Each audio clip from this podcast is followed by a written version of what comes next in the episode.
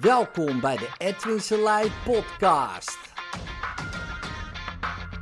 Voor inspiratie, stimulatie en motivatie om je dag goed door te komen.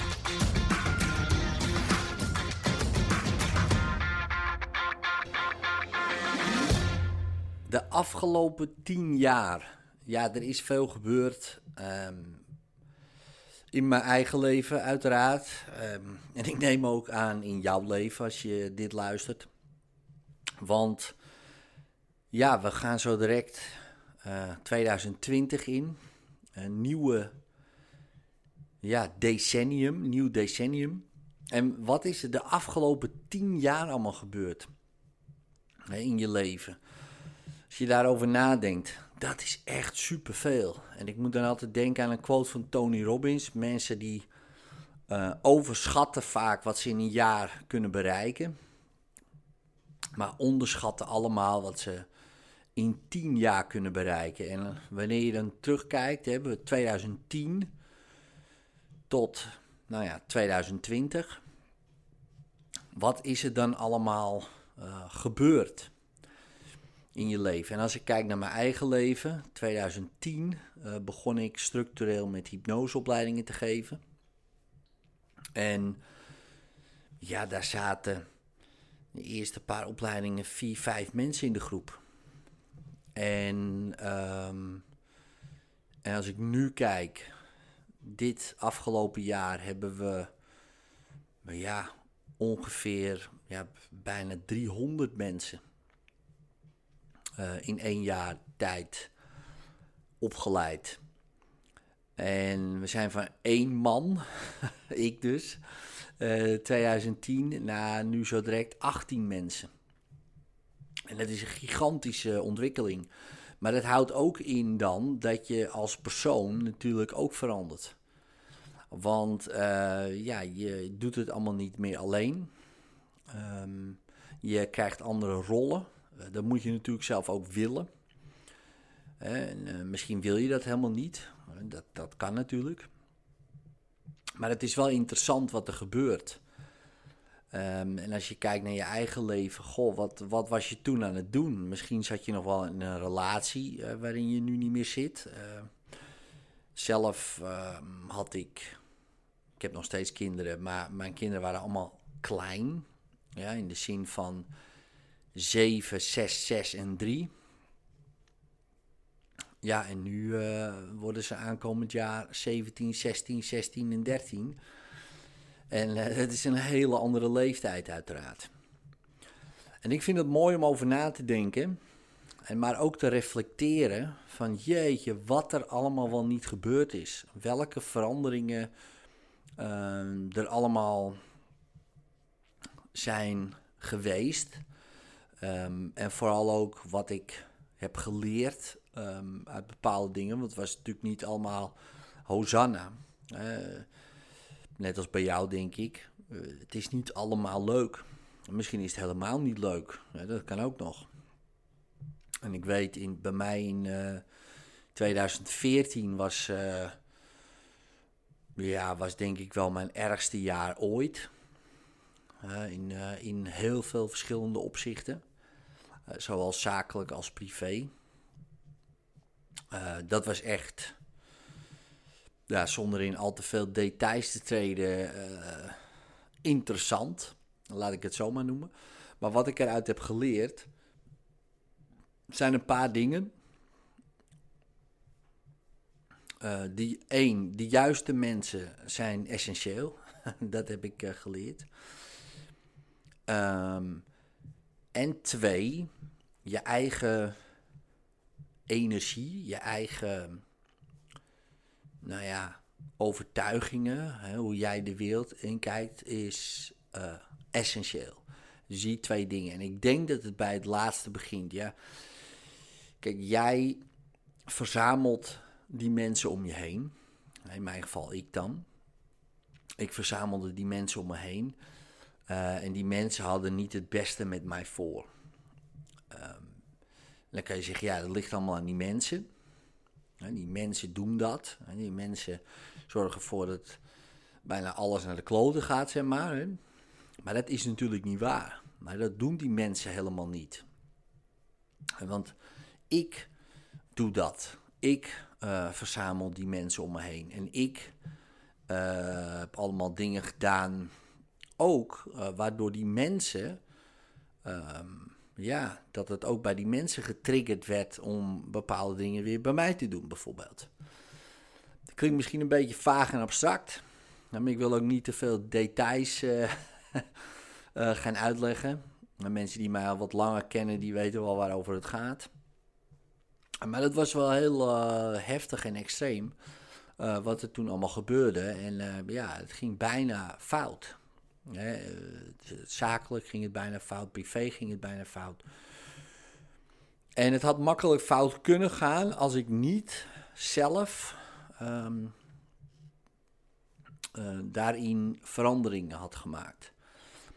Um, en een van de dingen die ik heb gedaan, is, uh, was niet meegaan in de energie van die andere mensen. Van wat makkelijk had gekund, hè? bijvoorbeeld wraak. Uh, en geloof me, ik heb daar zeker aan gedacht. maar dat is een energie en dat, dat, dat werkt niet zo heel goed. Laten we zeggen niet. Ja, want um, natuurlijk, eh, misschien heb je een korte termijn uh, bevrediging, maar vaak lange termijn ellende.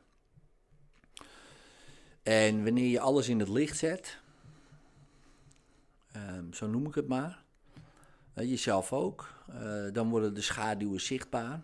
En in het licht is geen schaduw.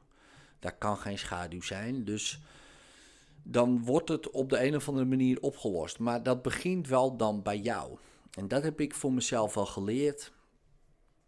Um, die schaduwen oplossen. Meer in het licht, meer vertrouwen. En dat is een andere energie. En 2015 was echt wel de ommekeer. Kom ik in de latvrogers bij Elko de Boer. Heel wat anders. Um, maar daar ontdekte ik eigenlijk de kracht van omgeving. Nou wist ik dat wel, maar ik wist niet dat ik daar zo gevoelig voor was. Kijk, ik, ik ben heel gevoelig voor uh, omgeving. Dus, dus de mensen die heel dicht bij me staan, hebben heel veel invloed op mij. Nou, dat is prima als je de juiste mensen om je heen hebt. Dat is niet prima als je mensen om je heen hebt die misschien niet goed voor je zijn. In mijn geval is dat dan uh, desastreus. Maar die mastermind heeft voor mij alles veranderd. Want daar ging ik met mensen om die, um, ja, denkwijzes hadden die ik ging automatisch, omdat ik zo in elkaar zit, ging nou ja, adopteren, zeg maar. En ik werd ook zo als die mensen. En dan kan je zeggen, ja, uh, is dat handig? ja, zo zit ik een beetje in elkaar. Dus als ik een training ga volgen bij iemand uh, en ik zit zes dagen bij iemand in een klaslokaaltje, dan word ik die persoon. Dat is mijn manier van leren. Um, dat is ook vaak de reden dat ik uh, heel snel vaardigheden kan oppikken uh, van mensen.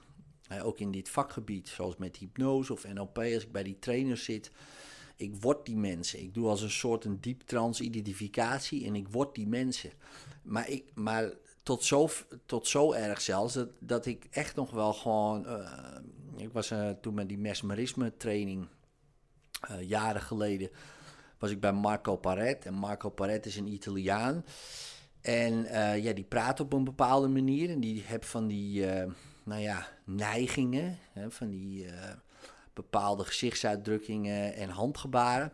En dat heb ik nog een maand of twee daarna in mijn eigen trainingen. Af en toe kwam Marco Paret er tussendoor met am. En dan ging je een beetje zo um, doen en, en een handgebaartje. En daar kon ik gewoon niks aan doen in de zin van... Het gebeurde me. Die zat gewoon in mij, zeg maar. Nou ja, als je zo dus op die manier leert, dan snap je dus ook, stel je voor je hebt mensen om je heen ja, die, die ja, helemaal niet handig zijn of om om je heen te hebben in de zin van veel te negatief of ja, gewoon een verkeerde energy, dan word ik dus ook zo.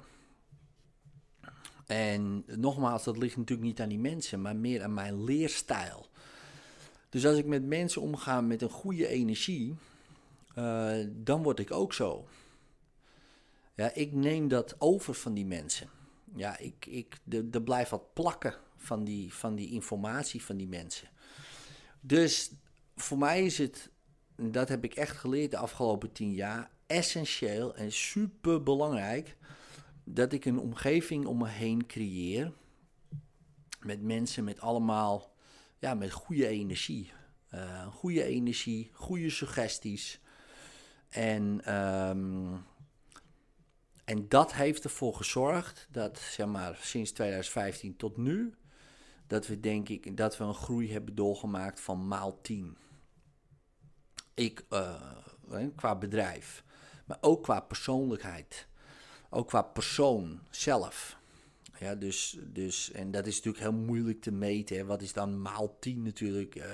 Is dat maal 10 in, de, uh, in, in um, overtuigingskracht of uh, maal 10 in um, energie? Dat is natuurlijk allemaal niet meetbaar.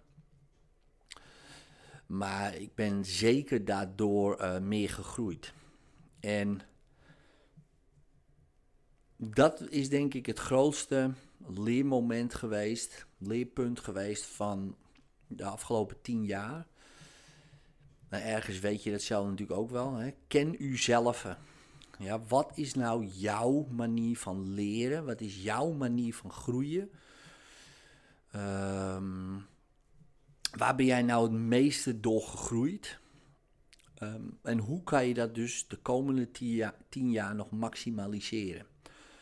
Ja, dus in mijn geval was dat dus um, andere mensen.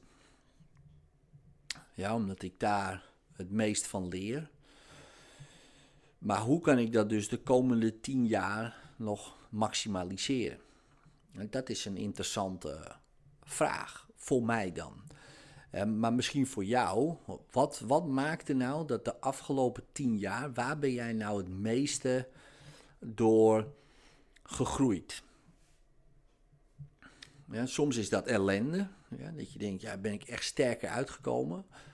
Uh, maar wat was, dan, wat was dan het moment dat jij voelde van... oké, nu heb ik kracht. Nu ben ik sterker geworden op de een of andere manier. Want jij doet dat. Iets, iets gebeurt er. Dat kan extern, maar intern doe jij iets. Misschien denk je opeens iets, misschien voel je opeens iets. Maar wat maakt er nou dat jij van die situaties geleerd hebt? En hoe leer jij dan? Want wanneer je dat weet, dat zijn vaak die diamantjes die je kan halen uit de bagger. Dus als je dat weet van jezelf dan, en, en je kan dat meteen al maximaliseren voor de komende ja, ja, tien jaar, zeg maar. Dan hoef je niet te wachten tot er iets ups gebeurt. Wat waarschijnlijk wel gaat gebeuren de aankomende tien jaar. Want zo gaat het met het leven.